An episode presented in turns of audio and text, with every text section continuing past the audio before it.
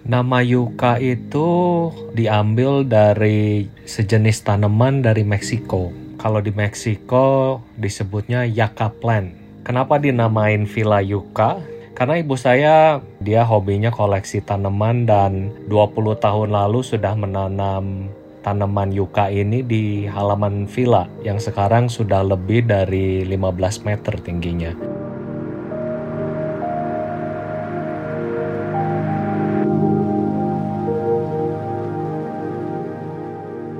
Villa Yuka itu dulunya adalah tempat koleksi tanaman atau nursery ibu saya karena lokasinya ideal dan tanahnya subur di atas bukit. Situ ibu saya memang sudah cita-cita untuk bikin villa karena pemandangannya bagus dan udaranya juga uh, sejuk dan seger. Makanya terjadilah Villa Yuka.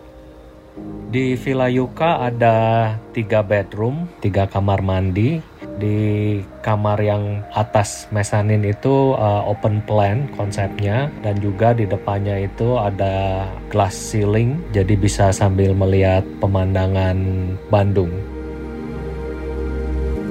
Dan juga ada teras yang di atas untuk bisa duduk-duduk dan juga di bawah ada teras yang besar ya sekitar 80 meter persegi di mana ada outdoor dining table yang bisa untuk 12 orang duduk untuk bisa makan uh, barbekyuan sambil melihat pemandangan Bandung juga.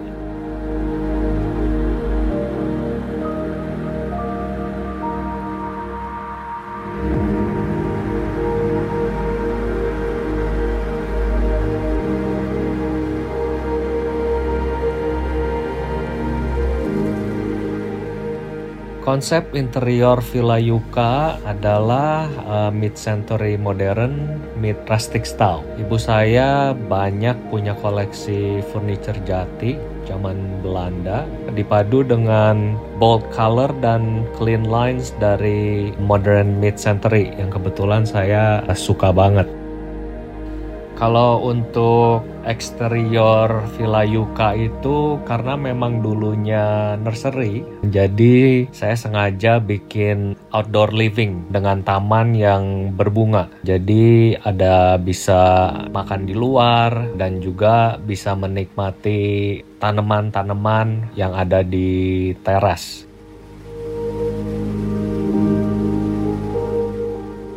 Kalau lihat lampu-lampu yang di atas sepanjang eksterior Villa Yuka itu tuh semuanya dibikin dari kandang ayam yang saya cat hitam karena memang di situ uh, dari dulu banyak ayam-ayam sih yang dipelihara juga. Jadi ya sekalian untuk showcase historinya dari Villa Yuka